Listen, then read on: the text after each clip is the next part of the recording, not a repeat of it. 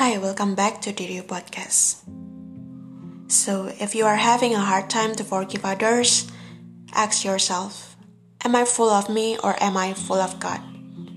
Because if you are full of yourself, it will be nearly impossible to forgive. You will always find reasons why you're better than the other person.